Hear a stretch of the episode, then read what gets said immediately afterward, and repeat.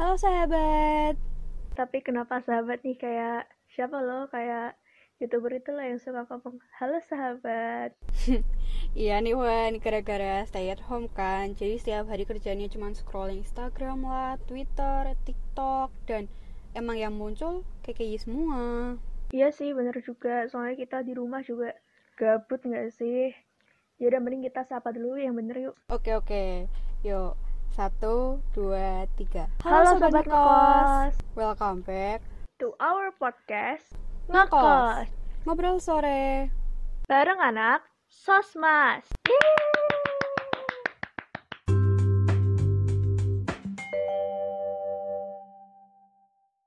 Oke, jadi podcast kali ini akan dibersamai oleh Dina dan Wanda. Semoga selama beberapa menit ke depan bisa menghibur dan mengedukasi kalian semua ya, sobat kos. Bener banget Dina.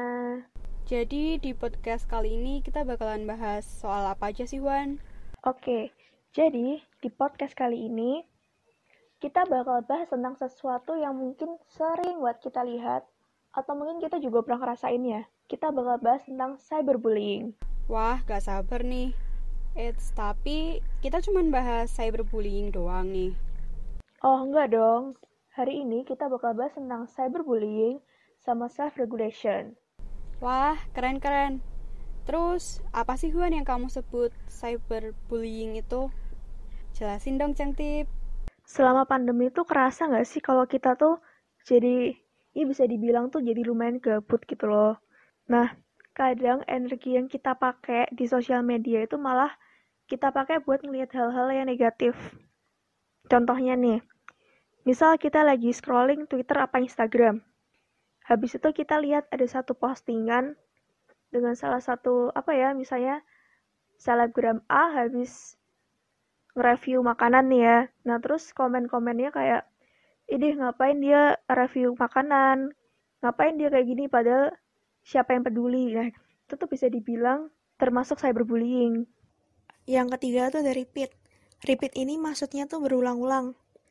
Jadi perilaku cyberbully tadi harus terjadi secara berulang-ulang biar korban itu gimana caranya khawatir sama apa yang kira-kira bakal terjadi besok, lusa, atau minggu depan.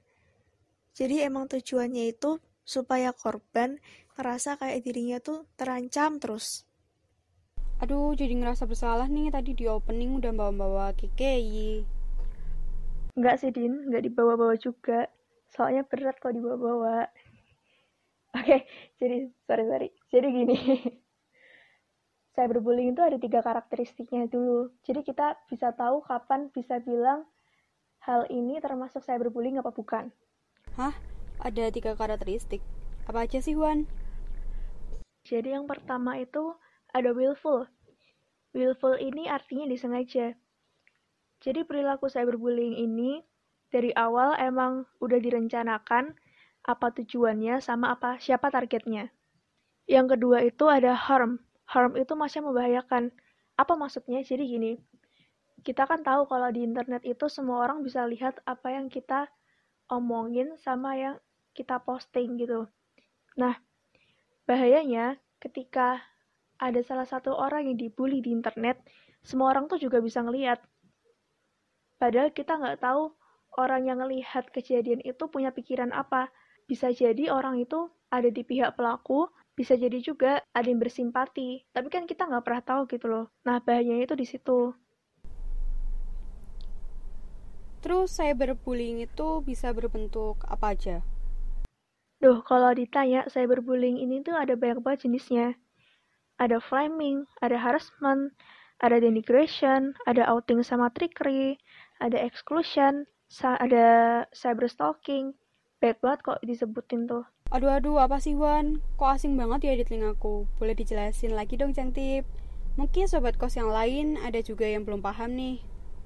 Jadi gini, yang pertama tuh ada flaming. Flaming itu contohnya gini. Misal kita lagi main sosmed, misalnya Instagram nih ya. Terus kita buka salah satu postingan di kolom komentarnya. Nah, di sana terus kita lihat ada satu, dua, atau mungkin tiga. Tiga orang tuh lagi berantem. Berantemnya tuh kayak debat, tapi debatnya tuh debat kusir. Kadang sampai pakai kata kasar, sampai ngancem-nganceman. Nah, kayak gitu tuh namanya flaming. Habis itu ada harassment. Mungkin istilah ini tuh yang paling sering kita dengar akhir-akhir ini gitu. Harassment sendiri itu artinya adalah pelecehan. Pelecehan ini biasanya ditargetin ke satu orang atau satu kelompok. Parahnya, harassment ini tuh dilakukan secara berulang-ulang tanpa kita sadari. Contohnya, kasusnya bukan kasus sih, tapi apa ya contohnya gini. Yang tadi tuh yang review makanan review makan itu, dia kan dibully habis-habisan. Setiap hari ada aja yang ngeposting gitu. Tanpa sadar, itu tuh sebenarnya udah termasuk harassment. Apa pun yang dia lakukan, pasti tuh bakal tetap salah dan bakal tetap ditargetin. Yang ketiga ini ada denigration. Denigration ini kalau kita pakai bahasa Indonesia artinya itu pencemaran nama baik. Mungkin biasanya kita lebih akrab sama istilah fitnah. Terus ada outing sama trickery. Jadi outing ini mungkin sering kita temui waktu misalnya ada orang nih di sosmed lagi melakukan kesalahan. Nah terus netizen-netizen ini nyari-nyari foto lamanya kayak foto-foto mungkin bisa dibilang kayak foto aib ya. Nah habis itu foto itu diposting lagi di share sama orang-orang yang tujuannya tuh buat bikin orang tadi itu malu. Nah itu namanya outing sama trickery Habis itu kita punya exclusion. Uh, kalian pernah nggak sih nonton film yang judulnya Mean Girls? Jadi di salah satu scene-nya, tokoh utama ini tuh punya tujuan gimana caranya dia itu mau bikin salah satu orang dalam grupnya itu keluar dari grupnya tadi itu. Nah, jadi si tokoh utamanya ini tuh dia bikin semacam kebohongan yang mengarahkan supaya temannya tadi itu keluar dari grupnya.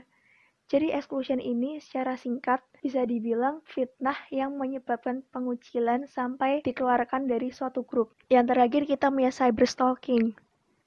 Jadi cyber stalking ini kegiatan stalking yang sampai merugikan orang lain. Stalkingnya itu sampai ngancem orang itu, sampai membahayakan atau menyinggung. Bisa juga orang yang kita stalk itu kita peras biar ngasih untung ke kita. Nah, itu baru namanya cyberstalking. Wah, ternyata banyak juga ya bentuk dari cyberbullying ini. Nah, sayangnya nih, kalau kita udah dalam suatu masa, biasanya tuh tanpa sadar, kita tuh kayak bisa ke bawah arus gitu loh. Contohnya ini ya, kita lagi scrolling di medsos, niatnya kita tuh cari hiburan. Saya capek kan habis kuliah atau habis nugas gitu. Eh tapi kita malah ngelihat postingan yang ada unsur cyber cyberbullyingnya. Terus di lain sisi di komen-komennya tuh juga ada yang mendukung walaupun cuman kayak hahaha wk wk wk gitu. Tapi kalau kita bacain itu terus-terusan, kadang tuh kita bisa terbawa suasana, akhirnya kita juga malah ikut ketawain atau bisa jadi kita malah ikut taruh komentar-komentar jahat buat orang yang tadi itu. Jujur nih ya Wan, aku pernah sih ngalamin itu. Jadi waktu lihat postingannya Cimoy, aku iseng ya buka kolom komentar dan emang bener kayak apa ya tanpa aku sadari aku jadi ikut terpengaruh tuh buat ikut ngebenci si Cimoy ini benernya nih Din hal-hal kayak gitu tuh sayang banget gak sih kalau masih kita lakuin kita bikin pengandaian deh misal energi kita ada 100 50 udah buat kelas online, 30 udah buat tugas. Nah, sisanya tuh mau buat ke mana sih? Banyak dari kita yang pakai sisa energi kita itu tadi, cari hiburan lewat internet. Tapi mungkin nih ya, mungkin banget, secara mental sebenarnya kita tuh belum siap buat ngehandle diri kita selama main di internet. Atau bisa jadi kita malah merasa cemas ngelihat orang yang dibully itu. Kayak muncul pikiran-pikiran semacam, eh kayaknya dia tuh nggak salah apa-apa deh tapi kok digituin ya eh aku juga pernah ngelakuin itu tapi orang-orang pada nggak jahat tuh sama aku. Hal-hal kayak tadi itu sebenarnya exhausting ourselves ya Wan ya. Kayak pikiran kita malah jadi terpusatkan sama hal-hal yang tanpa kita sadari mengonsumsi diri kita sendiri. Nah plus kita ini kan lagi di masa-masa pandemi ya. Masa-masa di mana kita tuh diharuskan tetap stay di rumah terus ya kan? Apalagi nih yang mahasiswa bentar lagi juga mau uas atau mungkin malah sekarang nih lagi di minggu-minggu uas terus yang esa, anak SMA sama anak SMK sederajat bentar lagi juga mau UTBK kalau nggak salah dua bulan lagi kan ya terus mungkin mereka juga maunya mungkin masuk mungkin daftar perguruan tinggi perguruan tinggi lainnya. Terus nih juga ada anak-anak SMA kelas 1 2 ataupun anak SMP dan seterusnya tuh juga lagi di minggu-minggu UAS. Atau misal nih pas di rumah kalian tuh pengen jadi orang yang lebih produktif. Misalnya kalian pengen belajar masak, apa pengen belajar gambar dan sebagainya. Atau bisa jadi mungkin kalian juga pengen nih selama liburan ini pengen fokus mempelajari diri kalian sendiri, pengen mengenal diri kalian lebih lebih dalam lagi. Tapi nggak mungkin kan kalau kita mau mencapai itu semua tadi, kita malah terus-terusan wasting time sama wasting energi kita buat hal-hal yang nggak terlalu penting. Nah, di sini kita baru butuh yang namanya self-regulation. Wah, mantap nih. Udah mulai masuk ke pembahasan yang kedua ya, Wan ya, tentang self-regulation. Jadi, apa sih, Wan? Self-regulation itu? Kalau secara definisi, self-regulation ini bisa dibilang kemampuan seseorang supaya dia tuh bisa mengarahkan diri dengan cara apa pun untuk mencapai tujuan yang dia anggap itu penting. Termasuk dengan cara mengarahkan perhatian, mempertahankan, serta mengubah perilaku. Jadi kalau kita rangkum dikit nih definisinya, bisa dibilang self-regulation ini aku mengatur diriku. Nah, keren ya, self-regulation ini juga punya komponen-komponen pentingnya.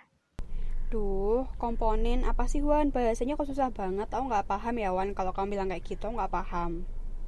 Ya maaf sih Din. Jadi gini loh, komponen itu misalnya kita punya motor.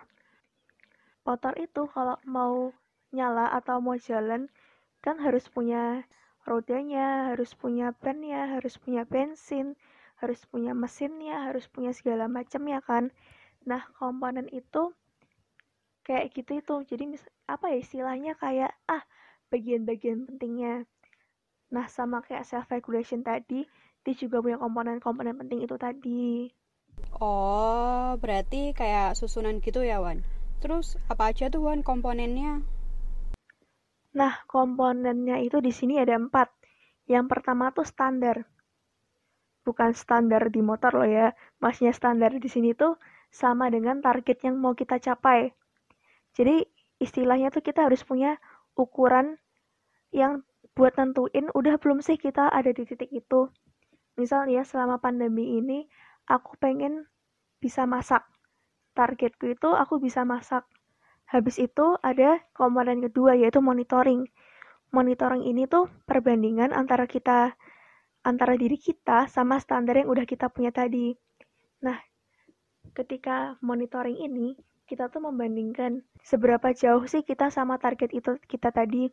Misal ya, selama pandemi ini, aku udah nyoba masak goreng bawang goreng nih misalnya. Goreng bawang goreng, ya gitulah pokoknya. Nah, ternyata bawang gorengku tadi itu tuh masih gosong. Nah, terus aku pikirin lagi, kira-kira dengan kemampuanku yang sekarang sama targetku tadi supaya aku bisa masak masih jauh nggak sih gitu habis standar sama monitoring habis itu ada komponen ketiga yaitu tekad. Tekad ini bisa dibilang kayak energi atau kekuatan regulasi diri kita. Kenapa dibilang tekad atau energi? Soalnya kalau kita mau mencapai suatu tujuan misalnya aku tadi nih ya aku pengen bisa masak. Nah itu tuh harus ada energinya. Nggak mungkin kan kita kalau mau mencapai tujuan itu kita kayak nggak punya energi kita capek. Kan mesti juga susah kayak nggak enak gitu loh ngejalaninnya ya nggak nah yang terakhir ada motivasi. Motivasi ini sebenarnya penting banget sih soalnya di dalam praktek self regulation ini motivasi itu penting banget. Nggak mungkin kita kalau pengen mencapai sesuatu tuh nggak ada alasannya. Pasti ada alasannya. Nah alasannya tuh bisa banyak bisa banyak banget tergantung sama individu masing-masing. Misalnya aku tadi, aku pengen bisa masak biar aku nggak usah jajan-jajan keluar lagi, biar uangku tuh bisa aku tabung. Nah, itu salah satu bentuk motivasinya. Nah, jadi kalau kita simpulin nih dari empat komponen tadi, bisa dibilang motivasi sama tekad kita tuh bener-bener harus kuat banget biar kita tuh bisa memonitoring diri kita terhadap standar yang kira yang mau kita capai tadi gitu oke jadi gituan. Walaupun kita cuman di rumah aja tapi kita tetap harus kendaliin diri kita ya supaya tetap jadi orang yang positif dan tentunya tidak menebar kebencian. Iya dong jelas banget. Yang penting diri kita tuh nggak ngerugiin orang lain.